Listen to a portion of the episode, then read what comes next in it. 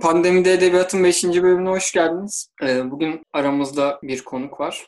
Kendisi Türkçeden Türkçe'ye Çeviri Şiirler kitabının sahibi, şiirden yayınlarından çıkan e, bu kitabın sahibi Suhan. Ben kendisini tanıyorum ve 3 e, yılı aşkın bir süredir birlikte de Mevzular Derin Faniz'in adı altında e, yani ekibinde çalışma yürütüyoruz. Aynı şekilde e, İsa da bizimle birlikte. E, Hüseyin değil. E, ama olsun o da e, kalben bizimle.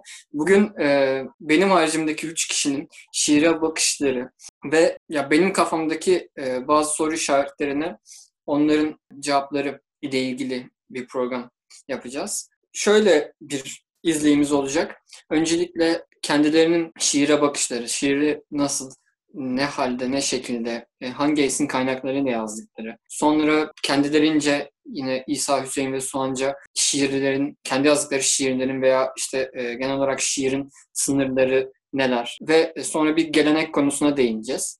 Ondan sonra bir e, didaktizm üzerine bir konuşma geçecek. Daha sonra günümüz şiirinin biz her ne kadar günümüz şiiri üzerine isimli programda değinmeye çalışsak da yine konu ister istemez oraya gidecek. Ee, en sonunda da e, sürpriz bir soruyla eğer konu konuyu açmazsa e, kapatmış olacağız diyeyim.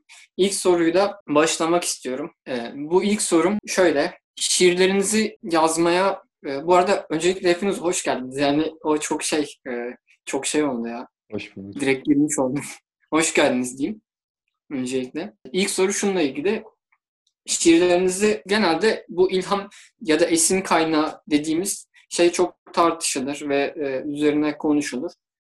Biz de bununla bir başlamış olalım. Şiirlerinizi yazmaya nasıl başladığınızı merak ediyorum. Biraz daha işte esin kaynaklarınız neler?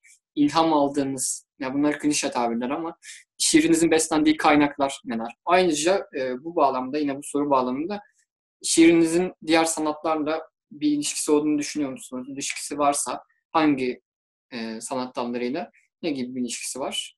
Böyle başlamış olalım. Ee, bence bu soruyla ba- başlamak çok doğru bir giriş oldu. Hani sanatsal kurgunun bir yazarın, sanatçının nezdinde nasıl ortaya çıktığı ya da ortaya çıkmaya başlama süreci şimdiye kadar hem sanatçılar hem edebiyat tarihçileri için çok önemli bir soru olmuş. Herkesin kendine has biricik bir cevabı vardır diye düşünüyorum. Ee, ve bu cevapların açıkçası benim için pek net olduğunu düşünmüyorum. Çok farklı yerlerden e, tetikleyebiliyor. Örneğin bazen bir şey okurken, bir şairi okurken mesela geçtiğimiz günlerde yaşadım. Hasan Hüseyin'in bir dizesi bana bende çok farklı duygular uyandırdı ve o dizeyi alıp ayrı bir metinde değerlendirmek istedim. Tabii kendi metninin dışına çıkarınca o dizeyi bambaşka anlamlar da yüklenebiliyor ve kendimizce kurguluyoruz. O bazen memnun edici bir metin olarak ortaya çıkmayabiliyor. Şahsen ilham kaynağının yani içinde ilahi sözcüğüyle de benzeşen bir tarafı var tabii. Bunun daha böyle doğaüstü varlıklardan geldiğini, o şekilde tetiklendiğini düşünürmüşüz eskiden. Ee, ama bir yerden sonra hani bunun üstüne birçok kişiden alıntı yapabiliriz. Picasso'dan Cahit Zarifoğlu'na kadar. Mesela Zarifoğlu ben esini çağırmam, beklemem. Ben giderim ona diyor. Ee, biraz da böyle bir yönü var bence. Ne kadar çalışıyorsak, ne kadar okuyorsak o bilinçaltımızda bir şekilde bazen rastgele, bazen oluşsal bir şekilde bir araya gelen parçalarla metne akmaya başlıyor. Aslında sanatçı kişi için de çok belirli cevaplar taşımadığını düşünüyorum ben. Yani belki psikanalitik biraz daha yaklaşırsa net bir cevap verebilir ama ben de genelde şöyle oluyor. Farklı yöntemler deniyorum. Bazıları içime sinen bir metnin başlangıcı olmuş oluyor. Bazıları olmuyor. Bazen bir dize kurguluyorum kafamda. O dizeyi beğendiğimde başlıyorum yazmaya. Bazen günlerce belki hiç çalışmıyorum üstüne ama o içimde kurulmuş oluyor. Ondan sonra bir anda kağıda sarılıyorum farklı yöntemler izlediğimi söyleyebilirim şahsen. Hani biri diğerinden daha üstündür ya da biri diğerinden daha başarılıdır diyemem ama. Ee, yani bende de açıkçası benzer bir süreç oluyor. Yani şöyle, dediğin gibi e, bir anda birden gelen bir şeyden ziyade bir birikim gibi e, adım adım ilerleyen ve dönemsel olarak da değişiklik gösterebiliyor aslında açıkçası. özellikle hani kendi yazma pratiğimde onu çok gözlemliyorum. Yani bir dönem çok daha böyle kolaj gibi e, yazmayı seçerken daha önce birikmiş şeylerin bir araya gelmesi, yeniden montajlanması ve kurgulanmasıyla ortaya çıkarken e, bazı dönemlerde daha bilişsel, daha deneyimlerin o an, o gün, o saat tekrardan e, yazıya dökülmesiyle çok e, oluşturduğum şiirlerim var. Yani o aslında yöntemleri e, değiştirmek, sürekli konfor alanından çıkmak ve yeniden kurgulara e, açık olmak. E, yani şahsen denemeye çalıştığım bir şey. Daha böyle deneyler yapmak aslında e, izleyim oluyor. Diğer sanatlardan hani beslenmek ve yani aslında şöyle e, birçok maruz kaldığımız şey zihnimizde bir şeyler oluşturuyor. Ve onları hani isimlendirerek doğrudan işaret edebileceğim. Şu, şu, şu bende ilham uyandırır, e, bana yazma isteği verir diyemem. Ama özellikle yani biçem olarak, yazma biçemi olarak kolajı çok kullandığım için e, halen görsel kolajlar ve görseller, başka şairlerin şiirleri, başka metinler e, beni de çok tetikliyor açıkçası yazmak için. Benim açımdan da şu şekilde gelişiyor. Bazı şairlerimiz bunun hususta birkaç bir şey dile getirmişler. Mesela Attila İlhan kafasında şiiri yazdığını ve aslında kağıda geçirdiği anda bütün bir şiirin hazır olduğunu söyler. Veya Edip Cansever e, kafasında sürekli şiir kurguladığını söyler. Benim açımdan da şöyle oluyor. Yahya Kemal'in o mükemmel e, şiir anlayışını küçüklüğümden belki ilk zamanlarında okuduğum için benimsemiş gibi oldum. Elbette mükemmel işler yaptım söylemiyorum bu konuda ama bir mükemmeliyetçilik gütmek gerektiğini düşünüyorum ve bu spontane gelişen işlerin de buna yaklaşmadığı kanısında oluyorum çoğu zaman. O yüzden hiçbir zaman bir duyguya erişip veya güzel bir dize, güzel bir kelime üzerine çıkarım yapıp o an oturup 2-3 dakika içerisinde hiçbir şekilde şiir yazmadım. Genellikle çok uzun vadeli ve kurgu içerisinde oluyor. Ya aynı bir roman kurgusu gibi aslında. O karakterin hangi şehre gideceği, kiminle tanışacağını değil de e, hangi, hangi imgeyi kullanacağımı ben şiir yazmadan önce biliyorum. Bu şiirin nereye doğru akacağını da biliyorum. E, bunun da kafamda kurguladıktan sonra biraz da o şiir yazarken gelecek tabii dış ilham denir belki. O şeylere de açık oluyorum ve ona göre bir akış içerisinde gidiş ve giriş yönü belli. Bazen karman çorman, bazen düz bir çizgi içerisinde olmuş ve bitmiş bir şiire ulaşmış oluyorum. Bu şekilde söyleyebilirim. Etkilenme konusunda ise de ya dediğimiz gibi birikim meselesi ve bu birikim de bu yaşımıza kadar geldiğimiz ve ne kattığımız gibi nelerden etkilendiğimiz aslında. Hani sokakta ki bir komşumuzla karşılaştığımızda o günümüzü etkileyebildiği gibi nelerden beslenirsek onlar da bizim içerisinde bulunduğumuz ve üretim aracı olarak kullandığımız nesneleri etkiliyor. Ve ben bunu e, bilinçli bir şekilde yapmaya çalışıyorum. Hani beni etkileyebilecek veya aynı e, hayat görüşüne sahip olmadığım farklı, atıyorum bir İran sinemasından yararlanmaya çalışıyorum gibi söyleyebilirim. Benim burada ikinize de İsa sana da Suan'a da sormak istediğim birer soru var. Tabii dışsal e, aktörlerin, faktörlerin birçok etkisi vardır üstümüzde. Neticede deneyimliyoruz ve o insanlarla ya da dışarıdaki nesnelerle, kendi dışımızdaki şeylerle girdiğimiz etkileşim de şiire dair bir şeyler veriyordur bize ama bunu poetikadan önce kişinin kendi karakteri içerin, içerisinde nasıl harmanladığı da galiba esine nasıl yaklaştığımızı, bir şiire başladığımızda o, orada özün ve biçimin kendi yolunu nasıl bulduğunu da etkiliyor gibi. Mesela ben e, sana baktığımda senin şiirlerine etkilendiğin şairlere çıkan bir e, yolu da görebiliyorum. Bu hani senin e, özgünlüğünü, sesini e, yatsıyan bir, e, bir anlamda değil. Mesela Yahya Kemal'den bahsettin. Ben senin şiirlerinde şahsen kelimelerin, dilin aynı zamanda şiirin içinde ayrı bir aktör olarak, şiirin genelini kapsayan bir aktör olarak şiire yön verdiğini görüyorum. Yani dilin, e, imgelerin, kelimelerin arasında yaratılan e, ne varsa o da şiire yol verip deneyimi kendi e, içinden, kendi üzerinden dışsallaştırıyor. Ama Suan'ın mesela az önce dediği e, kolaj mevzusu da bende şunu uyandırdı. Daha önce şiirlerinde okuduğum için. Suan bir kolajda nasıl farklı çarpışma noktalarını e, organik olarak yan yana gelmeyecek e, birçok nesneyi bir arada gördüğümüzde bir çarpış bir çarpılma yaşıyorsak ve o kolaj bize aynı zamanda geniş bir parantez açıyorsa E, Suhan'da da o parantezi aralayıp oradaki anı insana ya da kendisine yansıyan yönlerini dışa vurma isteği var sanki. Mesela o geçtiğimiz sayılarından birinde Mevzular Derinde o e, Suhan'ın çıkan bir şiirinde şunu gördüm ben. Başta bir iki dize var. Sonrasında o evin içindeki bütün nesneler tasvir ediliyor. Yine orada bir kolaj ortaya çıkıyor ve sonrasında derin bir nefes aldı ve eşyaları, nesneleri toplamaya başladı diyerek bitiyor. Orada aslında baktığımızda herhangi bir insan o kişiyi ve evin içindeki dağınıklığı görebilir ama o dağınıklıkla o insan arasındaki ilişkiyi oradaki parantezi görüp açarak ve o parantezin içine bütün bir kolajı sığdırarak yapıyorsun. Sen dilde nasılsan şu anda sanki o kolajı nesneler aracılığıyla insanlar arasında bir iletişim kuracak şekilde açma peşinde. Yani dilden değil de dışarıdan hareketle dile katma mevzusu var gibi. Bu hani buradaki farklılığın kaynağı nedir, temeli nedir bilmiyorum ama galiba dışarıda hani dediğim gibi hepimizin ortaklaştığı o dışsal olanla etkileşime geçme meselesi kendi eğilimlerimizle şiirde eşsizliğine kavuşuyor. Tam aslında bir soruya getirmemiş oldum ama bunun üzerine ne, e, ne diyeceğinizi ya da benim yorumlarıma ne kadar katılacağınızı da merak ederim. Yani e, o konuda ben şöyle düşünüyorum. Zaten hani kişi olarak e, birçok olay ve yaşadıklarımız çerçevesinde hissettiğimiz hisler zaten birbirinden değişkenlik gösteriyor. Dolayısıyla hani bir şey üretirken de yani kişinin bir filtreleme mekanizması var. Evet ben bu olaya şahit oldum ama ne kadarı bende ne uyandırdı? Aslında e, yani en temelde en en en temelde e, bir ürünün üretilirken sadece şiir de değil. Yani yazıya geçirirken bir şeyi o çok önemli. Yani seni ne etkiledi ve sen neyi anlatmaya değer buldun? E, açıkçası yani ben bundan çok hareket ediyorum.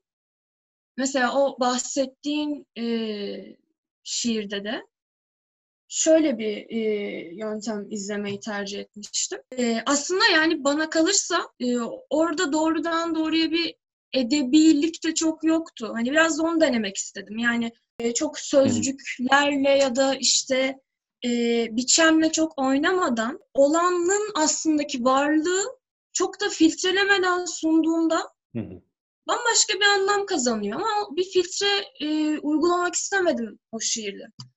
Onun dışında e, ya tabii bir sürü farklı deney yapmaya çalışıyorum. E, bunun tam tersi hani kolajın tam tersi işte e, düşüncelerle, sözcüklerle oynayıp kurmaya çalıştığım şeyler var. Yani bu tercihlerin değişkenliği de yine kişinin e, o tercihlerini etkileyen faktörler aslında. Yani neden bunu tercih ettin? Şu zaman neden bunu tercih ettin? Bunların hepsi e, bambaşka sorulara e, gark ediyor insan ama işte bunları çok da kurcalamak gerekiyor mu? Hani film analizinde de mesela öyle bir şey vardır yani. Bir filmi analiz ederiz ama aslında yani bir film o izlediğin işte bir saat, iki saat içerisinde zaten sana bir anlam sunar. E keza modern sanatta da, şiirde de yani analizi mesela, yani tabii ki de sorduğun soruya doğru analizi işaret eden bir şey yoktu ama biraz daha böyle aslında ilham ana faktörlerin derinine indiğimizde aslında analize çıkıyor kapımız. E, o yüzden yani analizi çok e, tercih etmiyorum ben. Hani daha doğrusu çok doğru bulmuyorum diyeyim. Ya eleştiri olabilir tabii ki de e, üreten o sanatçının e, işine yarayacak, yaramayacak e, eleştiriler mevcuttur ve insanlar bunları yapmaya devam eder.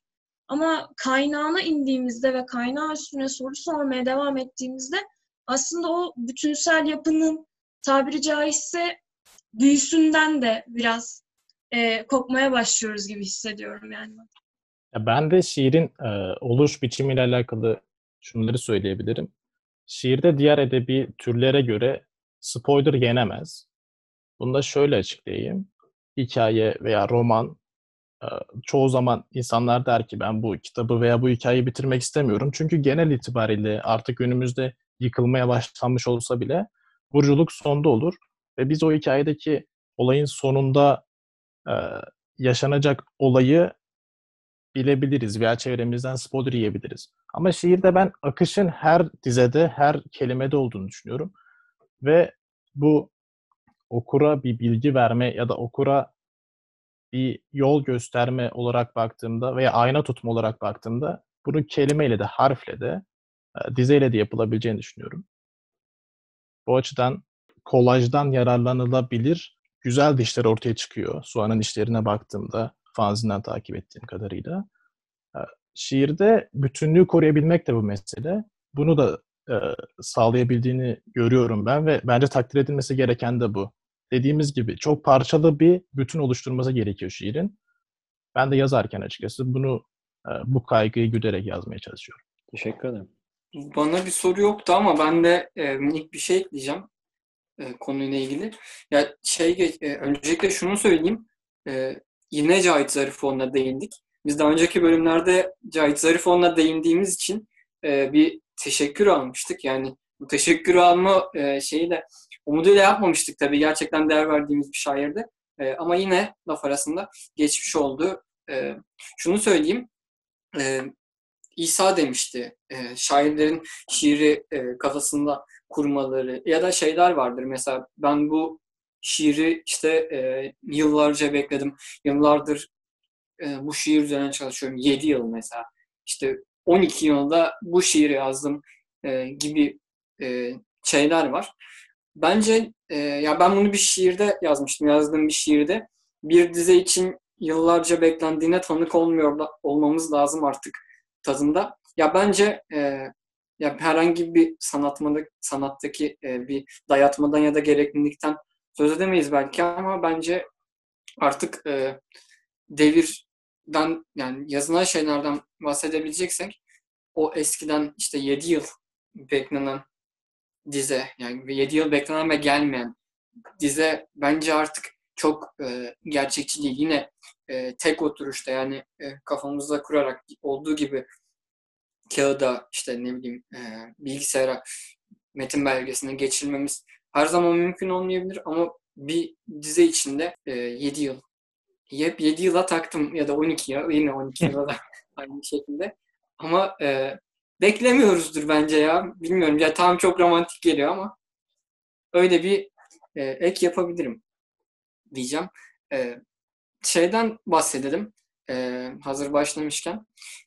Şimdi üç farklı şiir yazan kişi ve üç e, birbirinden böyle aşırı farklı olmayan sonuçta doğduğu yıllar ve içinde yaşadıkları çağ, içinde yaşadıkları Türkiye e, koşullar, işte ne bileyim e, sosyal e, statüleri benzer olan üç kişiden söz ediyorum karşımda. Ama şiire bakışları e, arasında tabii ki farklar var. Bunda e, şöyle bir şey var. Şimdi belirli bir klasiklikte şundan söz edebiliriz. Şiirde e, bazı şeyler yer almaz, bazı şeyler olur. Yani bu da şiirin konusu olur mu? Veya işte eskiden e, yapılmış yani dergilere insanlar e, eser gönderdiklerinde eskiden bu anlatılan şey kimi ilgilendiriyor? Kim e, bunu niçin okusun? Ya da sen bunu niçin anlattığın tarzında geri dönüşlere çok fazla rastlıyoruz. Özellikle işte e, eskilerin çok büyük dergilerine, dergilerinde.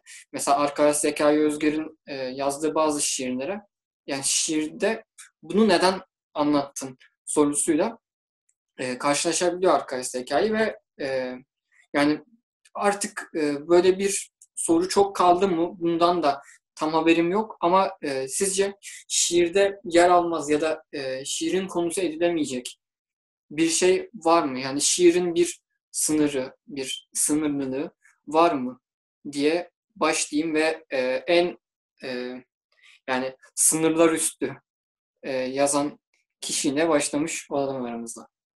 Teşekkür ediyorum efendim. Teveccühünüz. ya önce şey cevap vermek istiyorum aslında. Ee, o az önce bahsettiğin hani 7 yıl, 12 yıl bekleme mevzusu bence onun artık o kadar e, olamamasının sebebi şu. Çok hızlı geliştiği için her şey.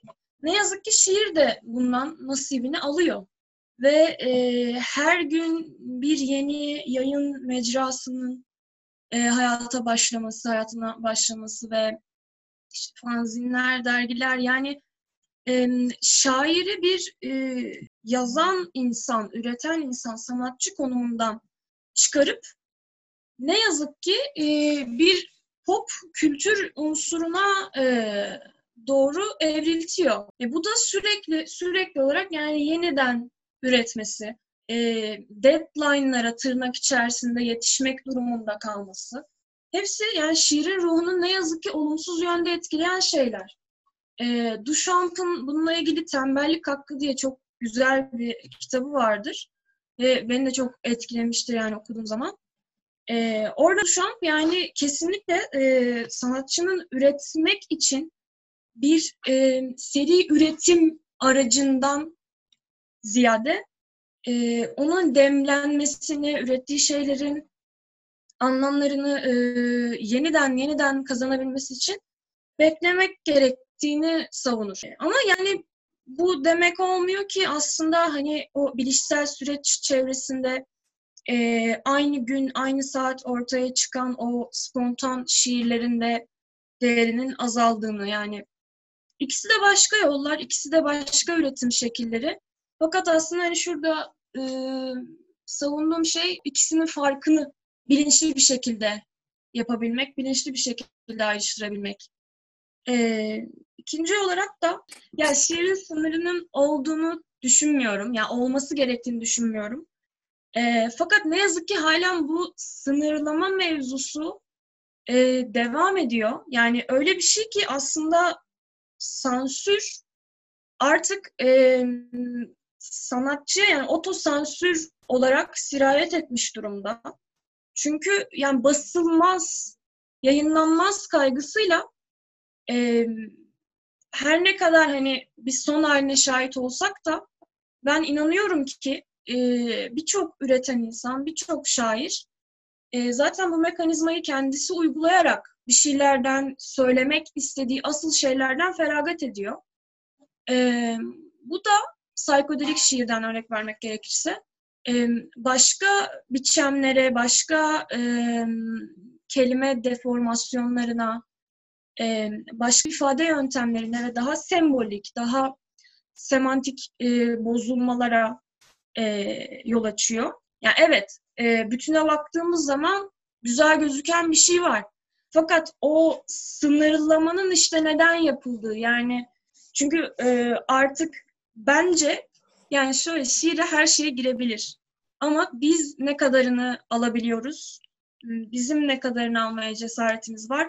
Ve biz ne kadarını alırsak başımıza ne gelir ne gelmez gibi aslında soru işaretleri bence e, asıl e, şairlere de o demek istediklerini e, dedirtebilen ya da engelleyen unsur.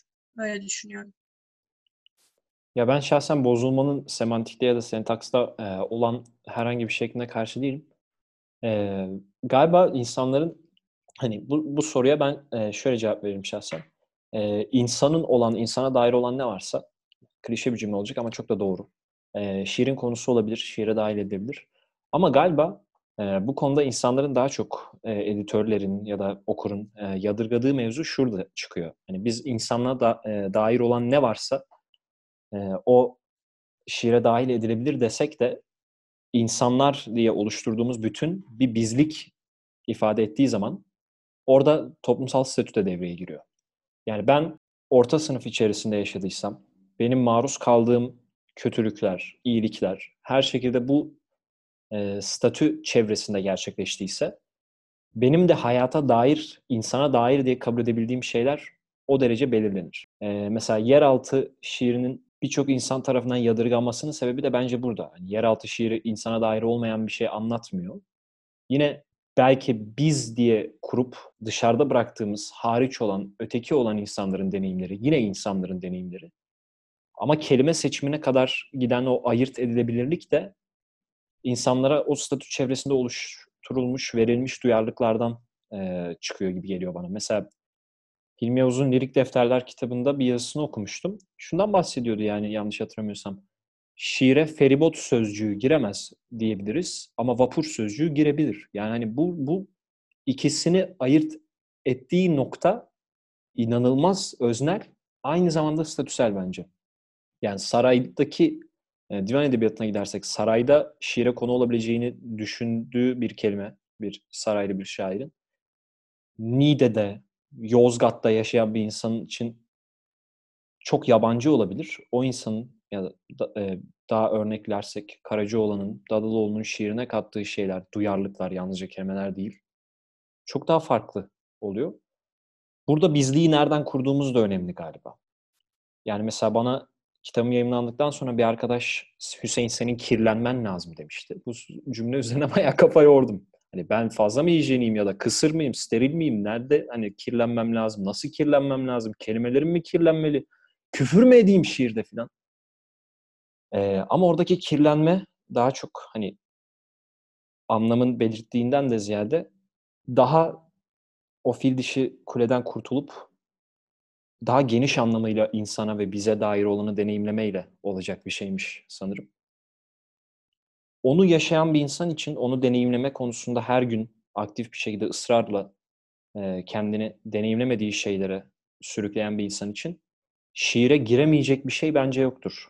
Eğer orada yine hala şiire ne girebilir ne giremez diye düşünürse o da okuduğu ve beğendiği şairlerden kendisine kalan biçim ve öz ilkelerinden ibarettir herhalde.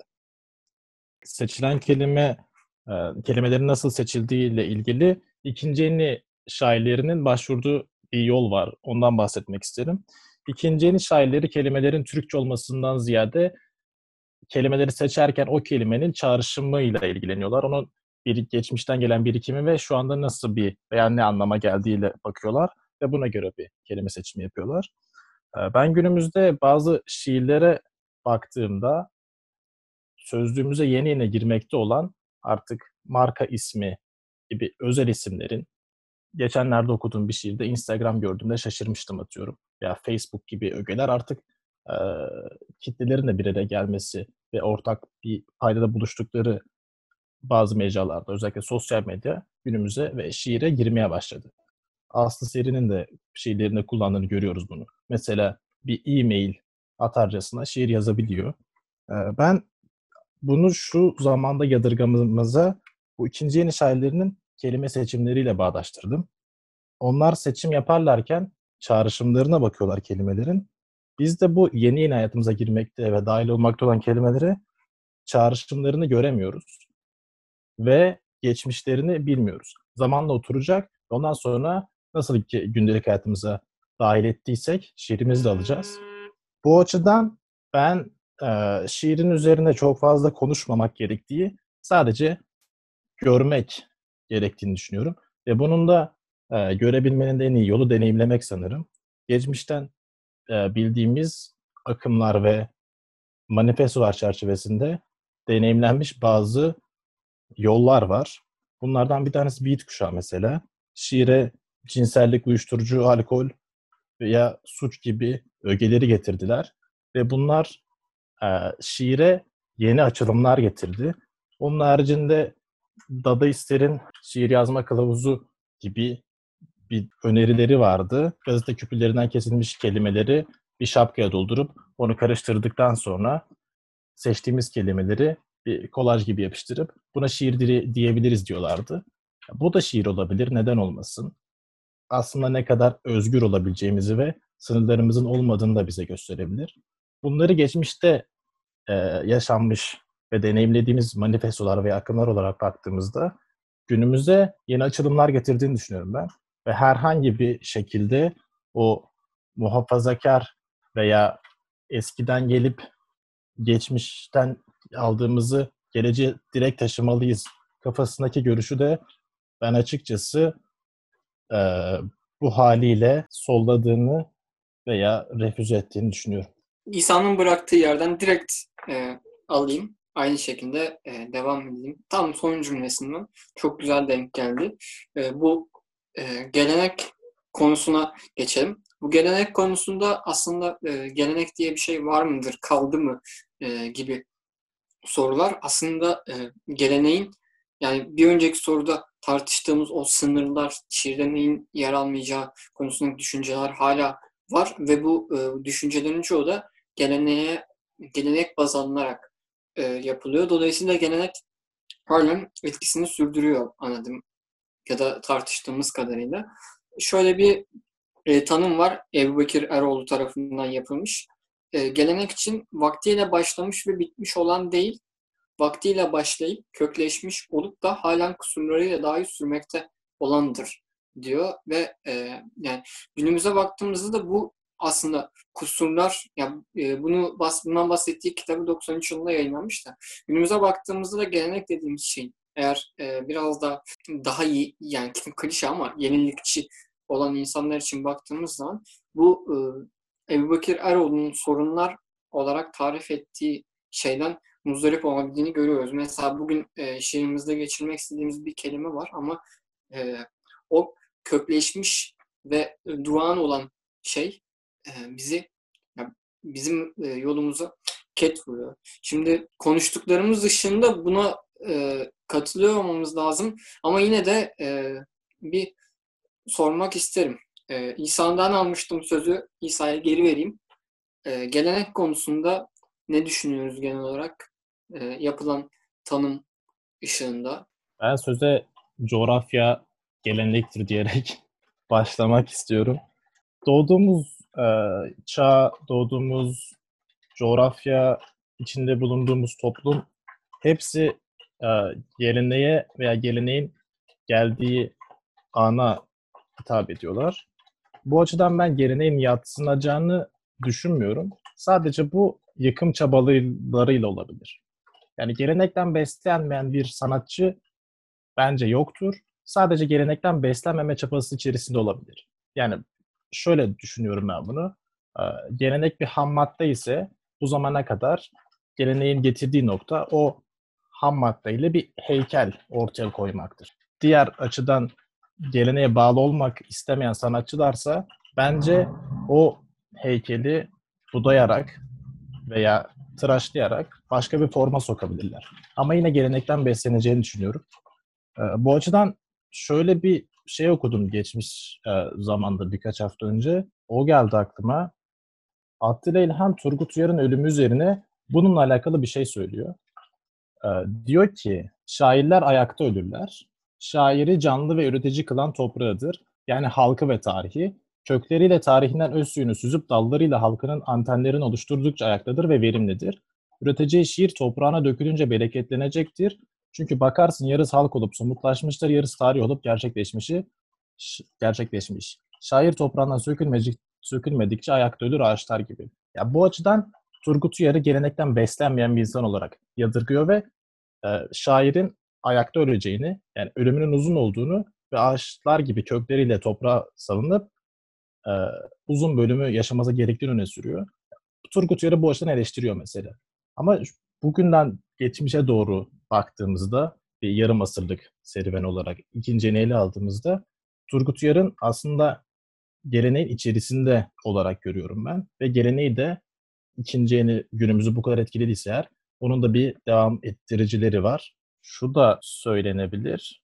E, Turgut Uyar'ın şiiri ele alışında bir takım yollara başvurduğunu biliyorum. Mesela gelenekten kopmak için veya yeni bir yola başvurmak için şiirde dize kırımlarına başvuruyor. Atıyorum İlhan Berk e, şiirde uzun dize gibi yeni formlar deniyorlar. Ben sadece bunu dediğim gibi bir tıraşlama olarak görüyorum. Başka bir forma sokmuşlardır. Ama ben bir insanın gelenekten kaçamayacağı kanısındayım. Evet, şöyle söz alayım ben de. Ee, geleneği herhangi bir şekilde yatsıyabileceğimizi düşünmüyorum. Ee, ya senin e, yaptığın alıntıya gelirsek, daha öncesinde fark etmemiştim ama Ebu Bekir Eroğlu'nun gelenek tanımı aslında tamamıyla tıpatıp e, Eliot'ın geleneğe olan bakışını anlatıyor. Yani modernist şiirin e, geleneği nasıl değerlendirdiğine, nasıl ele aldığına çıkan bir yol. E, şimdi bu alanda şunu söyleyeceğim. Hani sen o alıntıyı yaptıktan sonra aynı zamanda geleneğin durağan bir şey olduğuna dair de bir gönderme yaptın. Aslında bu anlat, e, o tanımla çelişen bir durum bu. E, Eliot'ın yaptığı gelenek tanımı aslında diyalektikle ilerleyen ve devamlı kendi yapısallığına e, bazen içinde bulunan dışa itimlerle, bazen kendisine dahil ettiği şeylerle devamlı ilerleyen e, bir süreklilik. Bu bağlamda duran bir şey olarak değerlendiremeyiz bence ve reddedilemezliği de burada e, kaynaklanıyor gibi. E, ama gelenek tartışmasını aynı zamanda şuradan da kurmak lazım bence. Yani başta kendi fikrimi söyledim ama aynı zamanda şöyle bir açıklıkla da e, gelenek olarak ele aldığımız şeyi eleştirmek lazım. Mesela modernist şiirin kurucularından birinin modern e, geleneğe olan bakışıyla çok benzeştiğini söyledim.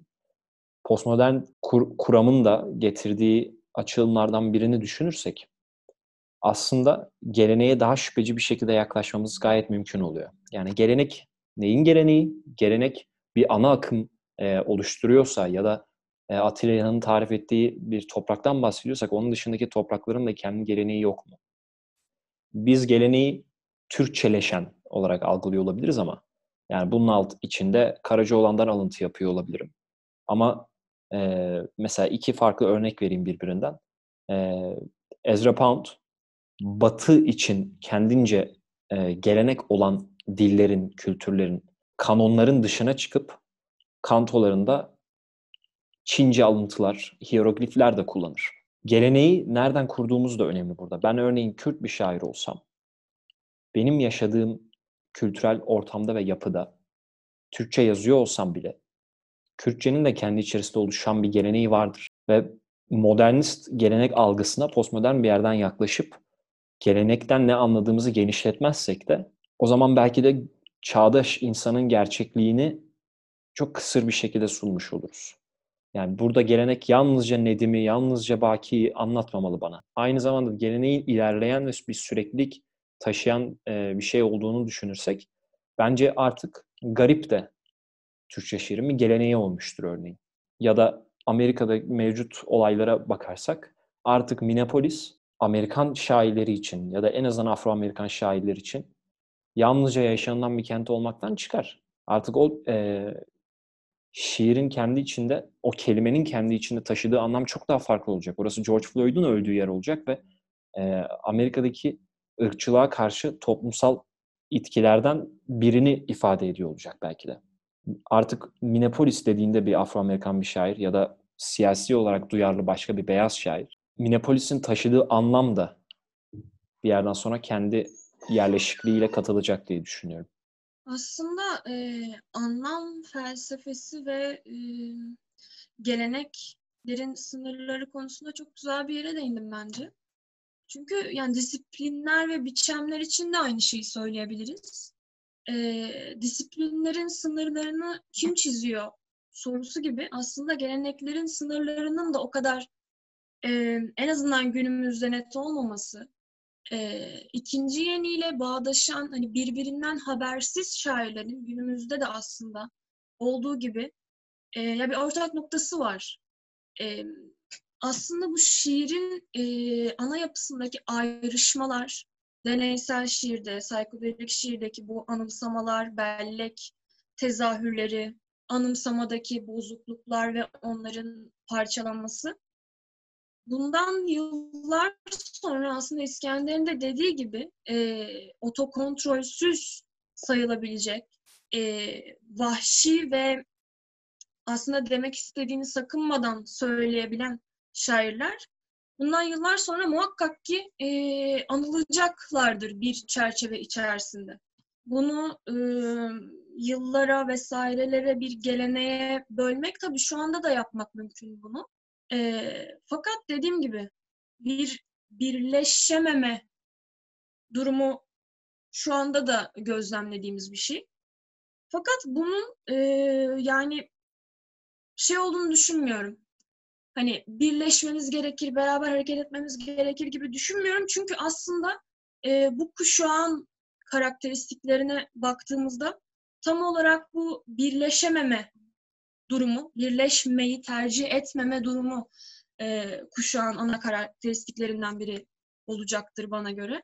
Aynı şekilde e, bütün bu üretimlere yansıyan e, madde, alkol kullanımlarının artışından sonra o zihin tezahürleri, bunun ortaya çıkan ya da bunların etkileri geçtikten sonra ortaya çıkan işler e, hepsinin bir sebebi var. Yani sadece bunu e, özendiriliyor ve ondan sonra artıyor gibi tek bir pencereden yorumlamak birçok şeyde olduğu gibi bence şiirde de çok mümkün değil. Bütün bunlar da yani anlamın artık geçerliliğini gitgide kaybetmesi, anlamın biçem değiştirmesi ve e, aslında anlam felsefesinin üzerine düşünmeye ister istemez gitgide daha fazla başlıyoruz.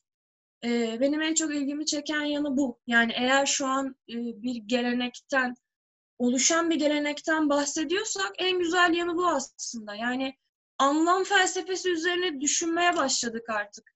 Çünkü anlamın, ya her yerde anlam var. Twitter'da anlam var. Herkes aforizmalardan bahsediyor. Herkes bir şey söylemek istiyor. Çünkü hepimize bir mikrofon uzatılabiliyor artık. Bunun için belki bundan yıllar öncesine baktığımızda o mikrofonu eline alan kişinin e, bambaşka bir titri, bambaşka bir e, durumu, statüsü olabilirdi. Fakat şu an o kadar her yerden e, milyonlarca ses yükseliyor ki durup e, hadi anlamlı bir şey söyleyelim demek aslında gitgide zorlaşıyor. Gitgide anlamların bütün bir illüzyondan ibaret olduğu ve bu toplumsal olarak iletişim kurmak için e, diller vasıtasıyla oluşturulmuş olan kodlar geçerliliğini yitirmeye başlıyor. O zaman aslında anlamların ötesine bakmak için yeni yöntemler uygulamaya başlıyoruz. Bunun ne kadar komik olduğunu tırnak içerisinde e, görmeye başlıyoruz. Bu da beni heyecanlandırıyor açıkçası.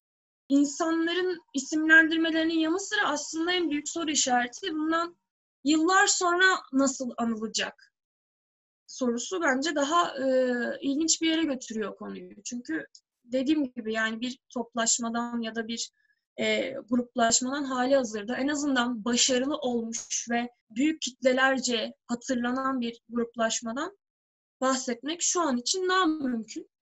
E, umuyorum ki bunun aksi yöndeki e, uğraşlar arttıkça bambaşka e, yerler ediniriz edebiyatta.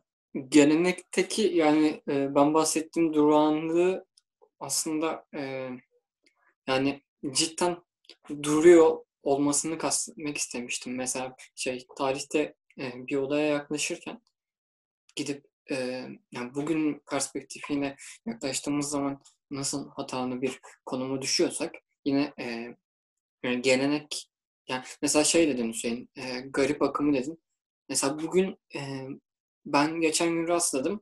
E, hala kendisinin e, garip akımını sürdürdüğünü veya garip akımının sürdüğünü ilan edenler var. Bence garip akımı dediğimiz şey tarihsellik içinde e, yer alan bir olgu sadece ve e, fazlası değil. Yani o dönemin şartlarına bakıldığında işte e, yapılmış ve e, yani o dönemin şartları içinde değerlendirildiğinde çeşitli sonuçlar ve izlenimler e, ortaya konulabilecek bir şey. Yani bugün sürdürebileceğimiz, bugünkün şartlarıyla ortaya çıkarabileceğimiz bir şey değil. Bugün sadece açıp o tarihselliğin, o tarihi olayın örneklerini açıp okuyabiliriz sadece. Neler yaşandığını, anılarını, yazılan şiirleri, incelemeleri, çıkarılan dergileri.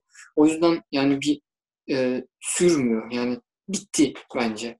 E, ondan bahsettim. Yani geleneği oluşturan, yani gelenek kavramının tümden durağan olmasında belki hatalı olmuş olabilir ama geleneği oluşturan ögelerin birçoğunun da artık e, devam etmediğini ve bence etmeyeceğini de yani ben onu kastederek söyledim en azından böyle bir açıklama yapayım. Devam edelim. Şeyden e, yine e, ben aynı kitaptan ben bir kitap okudum. Gerçekten okuduğum kitabı her şekilde e, kullanıyorum. E, şöyle bir şey var.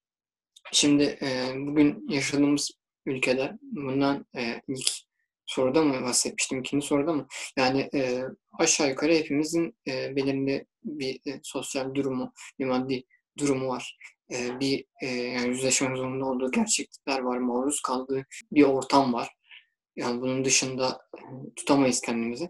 Ve e, yani her ne kadar kendimizi geliştirmeye çalışsak da ya da e, bütün Türkiye gençliğinden bahsedeyim. Türkiye'deki gençlikten kendilerini geliştirmeye çalışsalardı, iyi okullarda okusalardı bir e, geleceksizlik, bir gelecek kaygısı var.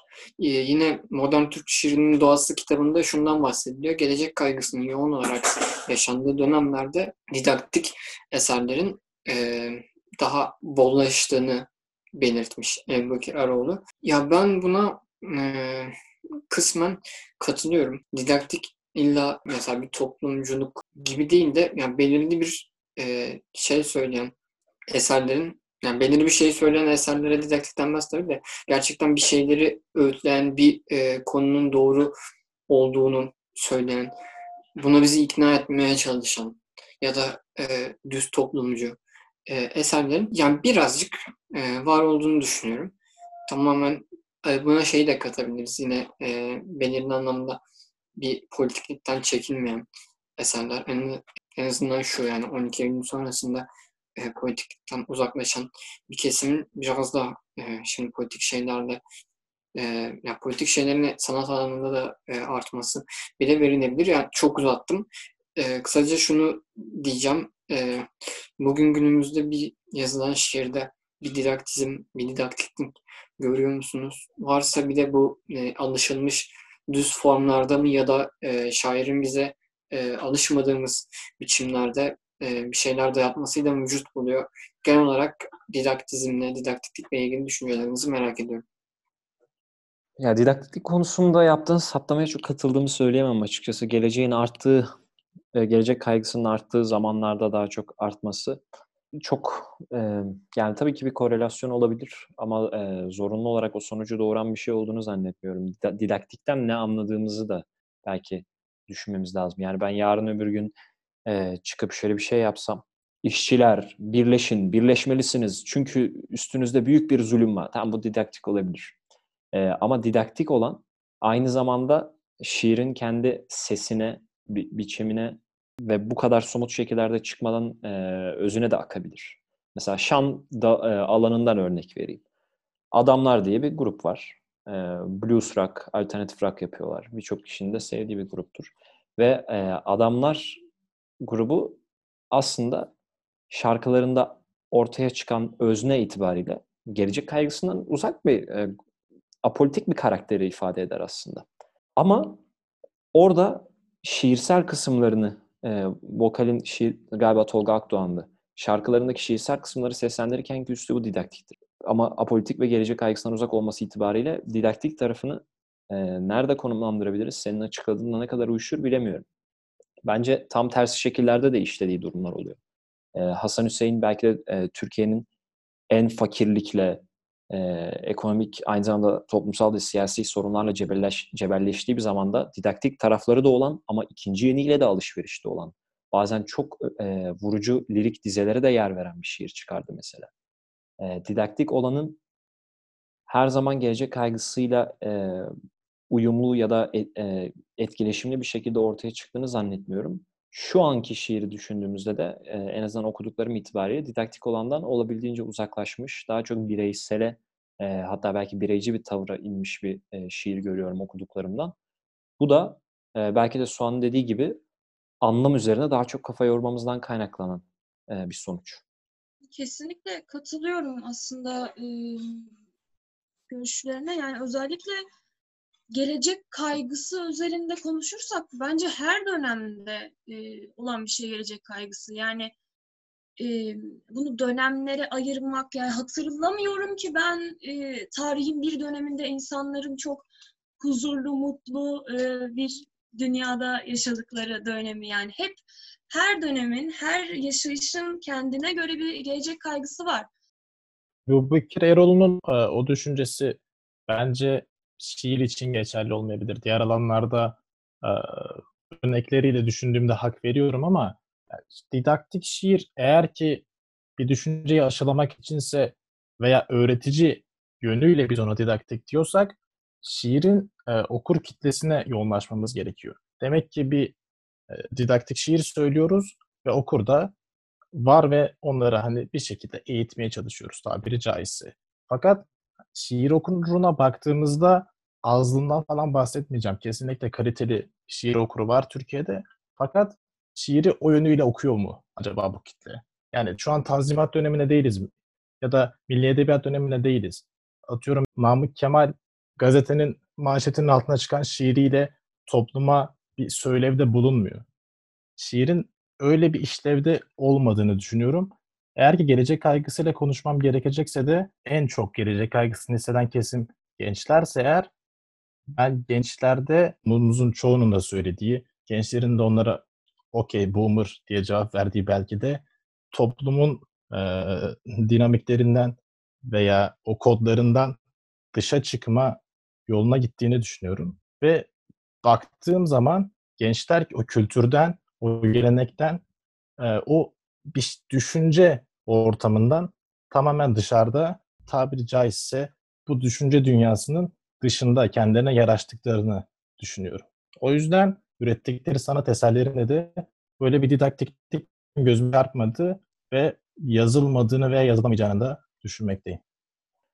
Ee, Yalın müsaadenle benim de e, bu konuda yapmak istediğim bir yorum var. Şimdi didaktik olanı genelde anladığım kadarıyla e, hepimiz çok dile getirmeden hazır bir şekilde politik olanla eşleştiriyoruz. Aslında bir yerde bence doğru bir algı.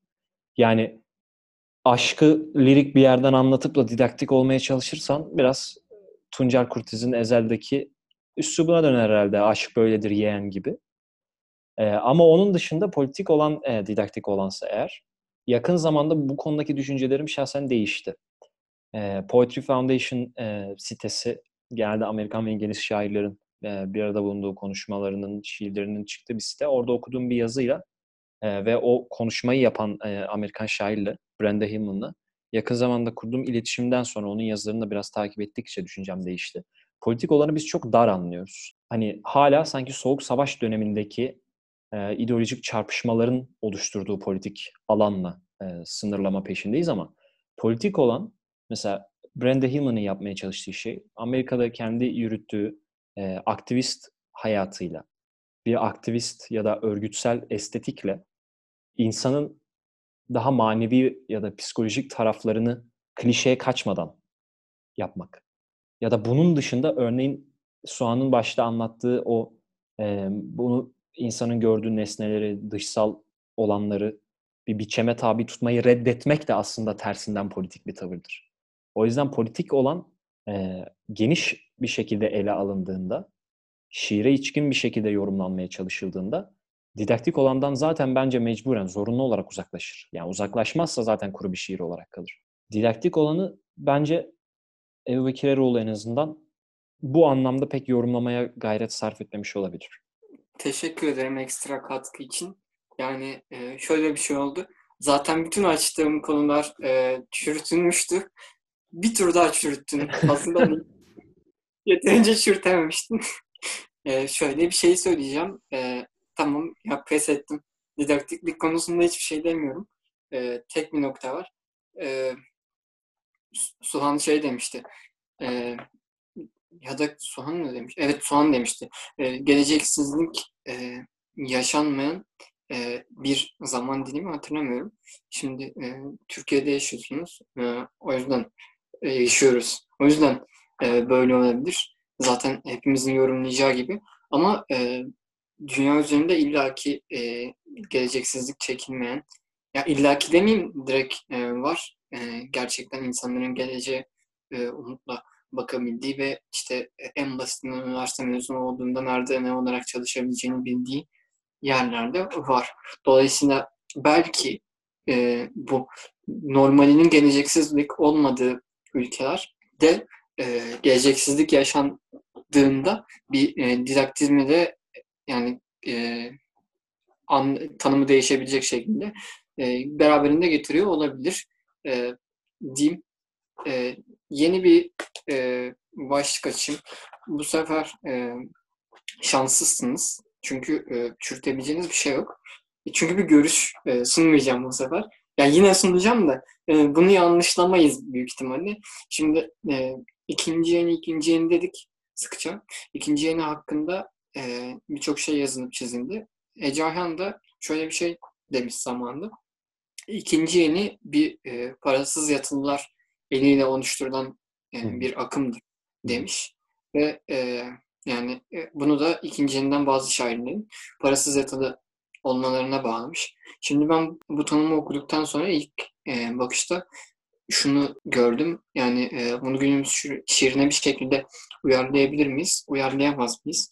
Günümüz şiiri bir şeyin şiiri midir? Yani birinin illa bir ekibin ya da bütün şiir yazan kişilerin e, bir özellikle ortaklaşmasına gerek olmayan e, günümüz şiir neyin şiiri ya da kimin şiiri? Bu konuda ne düşünüyorsunuz? Şimdi şöyle ikinci yeni şiirini Parasız Yatılılar yazıyor. Günümüz şiirini kim yazıyor konusunda bir akımdan bahsediyoruz ve bir çağdan bahsediyoruz. Pek bağdaştıramasam da kendi gördüğüm ve izlediğim kadarıyla paylaşmak isterim. Bence şu dönem içerisinde eli kalem tutan herkes veya bilgisayarın başında şiir yazan herkes bir şekilde bu dönem şiirini yazıyor. Akımlardan bahsettik. Zaman zaman şu şimdiki günümüz edebiyatına yön, yön veren manifestolardan bahsettik. Mesela baktığımızda şiirimizde 1940 ile 1980 arasında aynı anda yazılmış farklı şiirler var. Gariple ikincinin bağdaştığı aynı bir döneme rast geliyoruz. O dönemde yine konuşmamızda da geçen Atilla İlhan başka bir şiir akımına mensup olduğunu ve Maviciler diye bir hareket başlatmaya çalıştığına da tanık oluyoruz okuduklarımız kadarıyla. Baktığımız zaman şu anda hepimiz e, bunları okuyor ve biliyoruz. Eğer ki bu dönem yazılan şiiri geleceğe kalma olarak nitelendiriyorsak, yani bu dönemde yazılıp da geleceğe kalan şiirler bu dönem yazılan şiirler oluyorsa, eğer ki o edebiyat dergilerinde mezarlığa dönüşen şairler günümüzün şiirini yazmadıkları için o mezarlara giriyorsa, gelecek adına konuştuğumda, geleceğe kalan şiir e, şu an yazılıyor diye düşünüyorum. Ve bu geleceğe kalma konusunda kestireme kestiremeyiz ve farklı türlerde yazılan şiirler geleceğe taşınabilmiş verdiğim örnek üzerinden düşündüğümde. Bugünün de şiirine deneysellik olarak bakabiliriz. Daha çok fütüristik bir hareket olarak gözüktüğü için. Fakat son zamanda tekrar ortaya çıkan bir hece şiiri de var. O, o hece vezne dönüş yapabilirler. Bugünün şiirini yazıyor olabilir. Şu an göremeyeceğimizi ve çok çeşitli şiir yazılmasının da aslında gelecek için bir bereketli ortam olduğunu düşünüyorum. Çünkü çoğu o çeşitlilik içerisinde fırtınaya veya doluya tutulacak ve geleceğe hasat bırakamayacak ama bu çeşitlilikten e, olması itibariyle daha fazla oranda yazılan şiir geleceğe kalacak diye düşünüyorum. Bu noktada bence şöyle de bir soru doğuyor. Yani şu an e, üretilen şiirlerin, e, şairleri ne kadar e, geleceğe bir şeyler bırakmak motivasyonuyla üretiyor, ne kadar e, kalıcılık motivasyonunu benimsiyor. Az önce aslında bahsettiğimiz gibi o çok hızlı akan o veri akışı dünyasında her gün e, maruz kaldığımız onlarca imge, onlarca ses, onlarca görüntü e, dediğim gibi şiiri de etkiliyor. Bütün bunlar e, geçtikten sonra yani bu günlerden sonra aslında e, gelecekte nasıl adlandırılacağı bu dönemin bence ortasında olduğumuz ve hissettiğimiz bu kaotik hiçlik duygusunu, e, bu hissiyatı en e, açık şekilde yansıtabilmiş olan e, şairler eğer ki öyle bir şey mümkünse hatırlanacaktır diye düşünüyorum ben. E, Yalım senin dediğin yani soru içerisinde belirttiğin Ece üzerinden olan konuya dair bir şey demek istiyorum. Şimdi hani Ece Ayhan'ı kesinlikle kötü bir e, kasıt taşımayarak, aksine olumlayarak bence şöyle anabiliriz bile. Ece Ayhan piçlerin müttefikidir. Onun e, nezdinde değerlendirdiğimizde böyle bir kanaate varabiliriz ama ikinci yeniyi ikinci yeni demek dışında ortaklaştıracak unsurlara bakarsak o şairlerin kişiliklerinde e, aramamamız lazım bence bu e, ortaklaşmayı. Yani mesela Turgut Uyar askeri lise çıkışta olabilir. Belki daha e, Anadolu'dan gelmiş bir insan olarak sayabiliriz ekonomik statü olarak. Ama e, örneğin Asım Bezirci'ye bakarsak Hilmi Yavuz ikinci yeninin uzantılarından, devamlarından biridir ve, ikin, e, ve Hilmi Yavuz e, Kabataş Erkek Lisesi mezunu İngiltere'de felsefe okuyup sonrasında Türkiye'ye dönmüş biridir. Ee, özellikle ikinci yeni gibi bakımdan bahsedersek böyle bir kanaat sunmak ne kadar doğru olur bilmiyorum ama Orhan Veli'den bu yana, Garip'ten bu yana bütün Türkçe e, şiiri ele aldığımızda gerçekten ekonomik e, yönden ya da hani parasız yatılı e, başlığı altında inceleyerek şiirin daha toplumsal bir sanat dalı olarak icra edildiğine dair bir çıkarım yapmamız bence mümkün. Hani buna o kadar da karşı çıkacağımızı sanmıyorum ben. Ben şöyle bir araya gireyim. Ee, bunu şu yüzden diyor Ece Ayhan. Yani e, o şiirin yani kendilerinden önceki şiirin e, yani ikinci yeniden önceki şiirin bir e, üstünde bürokrasi olduğunu düşünüyor. Yani şiirin bir e, bürokratikliği olduğunu düşünüyor ve e, o bürokratiklikten sıyrılıp sivilleştiğini de e, yani bu söz ne ifade ediyor? Böyle e, bir yorum var. Yani bence Ece Ayhan'ın okumayı tercih ettiği kişiliklere göre de değişebilir bu. Ee, Hasan Hüseyin'in Koçeros'una baktığımızda orada bürokrasi nerededir ki? Orada bürokrasi e, Koçero'yu bir bridge muhabbeti e, gibi ele alan elitlerin yanında durur belki. Ama onu itip yeni şiirler kuran bir sürü insan var. E, herkes Dranas değildir bence. Hani e, Ece Ayhan'ın okumayı tercih ettiği kişilere de bakmak gerekebilir belki. Çünkü ara dönem e, hani edebiyat tarihçilerinin gözünde ara dönem olarak adlandırdığımız yerler nedense getirdikleri olanaklarla çok ıskalanmış yerler oluyor. Yani e, 50'lerle 80 arasındaki şiirler. Orada ikinci yeni de var olsa da nedense ikinci yeniyi daha çok 80'e yaklaştırarak ele alma taraftarıyız. Ve 80'den sonra 2000'ler arasında 90'larda çıkmış şiirler ve o şiirlerde gelen olanaklar hala ıskalanır bizde. E, Cayhan'ın da ıskalamış olabileceğini düşünüyorum. Yani tabii ki e, mümkün olabilir. Şimdi e, bilemedim. Yani yalan söylemeyeyim hiç. E, şöyle yani e, hafiften bitirelim. Baya e, büyük ve e, kapsamlı bir bölüm oldu.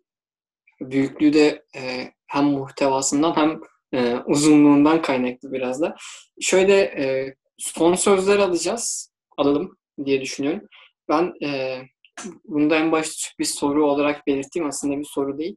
E, size bazı e, şairler hakkında her birinize bir tane e, kısa kısa e, üzerine neler söylemek istediğinizi e, soracağım. Bunları da yani e, şöyle diyeyim bunlar e, çoğu kişiyi bugün Türkiye'de şiir yazan veya işte bu dönemden önce yazmış şu an aramızda olmayan kişiyi etkilemiş e, önemli kişiler. Ve e, yani bunlar üzerine hepimizin ayrı ayrı e, düşünceleriyle yeni bir bölüm oluşturmamız gerçekten mümkün. O yüzden e, mümkün olduğunca e, kısa olarak e, Suhan'la başlayalım. E, Küçük İskender üzerine neler söylemek ister? Zaten bir bölüm boyunca e, Küçük İskender'le ilgili yani adını geçirerek alıntılar da yaptı kendisinden. Birkaç cümleyle ne düşünüyorsun Küçük İskender'le ilgili? Sana ve şiirin olan etkisi nedir? İskender benim için çok e, özel bir şair. Çünkü e, ilk defa böyle de yapılabiliyormuş hissini bana hissettiren e, şair kendisi, kendi şiir yolculuğumda. Yani e, elim kalem tutmaya başladığından beri aslında hep anlatma isteği varmış. Yani ilk böyle e, yazdığım defterlere baktığımda da yani 2-3 cümle kurabiliyorkenden beri bir şeyler anlatmak istiyordum. Ama anlatmak istediğim şeylerin e, o özünü ve açacağı yolu ilk defa İskender'le birlikte aslında yani onun o e, verdiği ilham diyebilirim aslında bu noktada. Onunla birlikte keşfettim. Ee, keşke çok daha fazla şey paylaşabilseydim İskender'le. Çünkü e, yaşım itibariyle o kadar da çok paylaştığımız şey olmadı maalesef. Ama e, dediğim gibi yani bana çok fazla e, katkısı oldu. Çok fazla soru işareti, çok fazla kaos bıraktı benim zihnimde. Çok gürültü. Ve bütün bunları da hala e, yazdıklarımda bugün kullanmaya, e, işlemeye devam ediyorum. Her yazdığı şeyi yeniden okurken devam ediyorum aslında bunu. Işıklar içinde uyusun diyelim. Ee, İsa'yla devam edelim. İsa şimdi en zor sende e, çok tartışmalı, çok e, önemli bir isim. Şiir ile ilgili herhangi bir şey söylerken e, ya da herhangi bir konuyla herhangi, ilgili herhangi bir şey söylerken mutlaka konu kendisine gelebiliyor. E, üzerinde yani senin üzerinde etkisi olduğunu düşünüyorum. Ya bence zaten e, herkesin üzerinde bir etkisi vardır kendisini okuyan ya da bir şekilde maruz kalan herkesin. İsmet Özel diyeceğim. Ya abi hani bahsettiğin gibi herkesin etkilenebileceği bir ismi benim ele almam beni şu an biraz e, zorlayacak olsa da bir yandan da onura etti yani. İsmet Özel'den herkes kadar belki daha çok belki daha az etkilendim. Ya bunu da ben şöyle düşünüyorum. E, Melih Cevdet Anday'ın bir sözü vardı. Herkes, e, her Türk genci şiir yazar. Daha sonrasında şiir yazmayı bırakmayanlar biz şair deriz diye. Ya herkesin yolu gençken veya daha sonrasında bir şekilde şiirden geçiyor. Ve eğer ki o okur, bir şiir okuru, Türk şiirinden okumaya başlamışsa eğer, İsmet Özel'e geldiğinde kesinlikle çarpılmaya uğruyor. Diyor ki böyle bir şiir de yazılabiliyor mu? Böyle bir şiir de var mı? Ya İsmet Özel Türk şiirinin rimbosu olmak istedi ve oldu. Ama daha sonrasında bir gemi atlayıp Afrika'ya gidip çalışabilirdi. Fakat o başka mecralarda polemik yaratmayı bence istedi. Ve o yolda şu an. Nasıl denir? Şiiriyle seviyoruz. Şiirle kalsaydı güzel olabilirdi. Kendi adıma konuşuyorum ve onu etkileyen kitle adına da konuştuğumu varsayıyorum. Bizde şiiriyle kaldı. Ya tartışmalı bir konu. Şimdi e, sanatçıları sadece sanat eserleriyle mi değerlendirmeniz, kişilikleriyle mi bence kişiliğini sanatçının e, kendisinden çıkarmaya çalışmıyorum. İsmet Özel olduğu gibi kalsın. Yani şiirleriyle daha önde dursun ama e, olduğu gibi kalsın bence. Yani tabii ki e, ne diyeyim ya çok tartışmalı bir konu. Şimdi ona girersek ona çıkamayız. Son olarak Hüseyin'in üzerindeki etkiyi en çok kendi e, dillendirdiği ve e, zaten yine e, şey e, bölüm boyunca atıfta bulunduğu bir şaire geçeceğiz. Ama geçmeden önce e, şunu söylemek istiyorum. Şimdi e, Suhan'a da İsa'ya da sorduğumda ikisi de e, bir çarpılma ile tarif edebilecek bir şey belirtti. Şimdi Hüseyin ismi zaten biliyorsun. Önce e, çarpılma olup olmadığını söyle. Yani Hilmi Yavuz tarafından bir çarpılmaya uğradın mı, uğramadın mı? Önce onunla başlayalım. Şimdi provokatif sormayı seviyorsun. Severim. Ee, şöyle, Hilmi Yavuz e, okurken tabii ki çarpıldım. Çarpıldığım zamanlar, daha yoğun olarak bu duyguyu hissettiğim zamanlar lisedeydi. Büyüsün Yaz kitabını, böyle toplu şiirlerini, o mor kitabı alıp okumaya başladığımda belki o yatılı okulun hissettirdiği koyu yalnızlığı koyu yalnızlığın dışına çıkabildiğim anları çok hissettim çünkü düşsel bir ortamda sunuyordu bana ve kullandığı dil zaman zaman didaktik, zaman zaman lirik ve belli bir estetik, belli bir estetiğe oturtulmuş bir şeydi ve ben o estetiği daha tanımıyordum. O yüzden çok çarpmıştı. Bakış kuşundan itibaren hani o atlıların karanlık ormana girerken Tanrı'nın sarı bir çiçek olarak açtığı dizelerden Bedrettin'e kadar, Bedrettin şiirlerine kadar çok etkilenerek okuduğum ve lirik bakışı aynı zamanda bunun yanında bana başka bir doğu da var ve ben sana bunu sunuyorum dediği bir şeydi. O yüzden çok etkilenmiştim ama e, zaman geçtikçe Hilmi Yavuz'un sonrasında dönüp tekrar okudukça araya bir soğuma vakti bırakınca onu kendi içimde suçladığım taraflarda oldu tabii olmadı değil. Yani e, Polantza'sı, Altuzer'i, Marx'ı bu kadar yoğun bir şekilde okuyabildikten sonra doğuyu fetişize ederek, onu eşsizliğine hapsederek yazma yoluna gitmesi ve son çıkardığı kitaplarda da artık dışsal bir şeye ihtiyaç duymayan bir Hilmi Yavuz görmek beni hayal kırıklığına uğrattı. Ama belli bir dönemiyle hala etkisi üzerimdedir tabii. Çok teşekkürler üçünüze de. Özellikle e, Suhan'a çok teşekkürler. Bizimle bugün burada olmayı tercih ettiği, bu zamanı bize ayırmaya e, ayırdığı için diyelim. E, İsa ve Hüseyin'e de çok teşekkür ederim. E, ya kendi adıma da teşekkür ederim. Bütün düşüncelerimin ya da sorularım, sorduğum soruların, hazırladığım soruların yanlışlığını da görmüş oldum. E, bir sonraki sefere daha fazla çalışacağım. E, bana çok iyi bir ders verdiniz. E, kapatmadan önce şöyle bir şey söylemek istiyorum. E, bu bölümü çektiğimiz günden bir önceki gün e, Oruç Arıboğa'nın e, aramızdan ayrıldığının haberini aldık. E, gerçekten e, üzücü bir haber, büyük bir e, kayıp oldu bu bizim için. E, sevenlerinin başı sağ olsun diyelim e, tekrar. Onun haricinde e, teşekkürler dinlediğiniz için. Görüşmek üzere. Herkesin ağzına sağlık. Bizler teşekkür ederiz. Görüşmek üzere. Teşekkür ederiz efendim. Görüşmek üzere.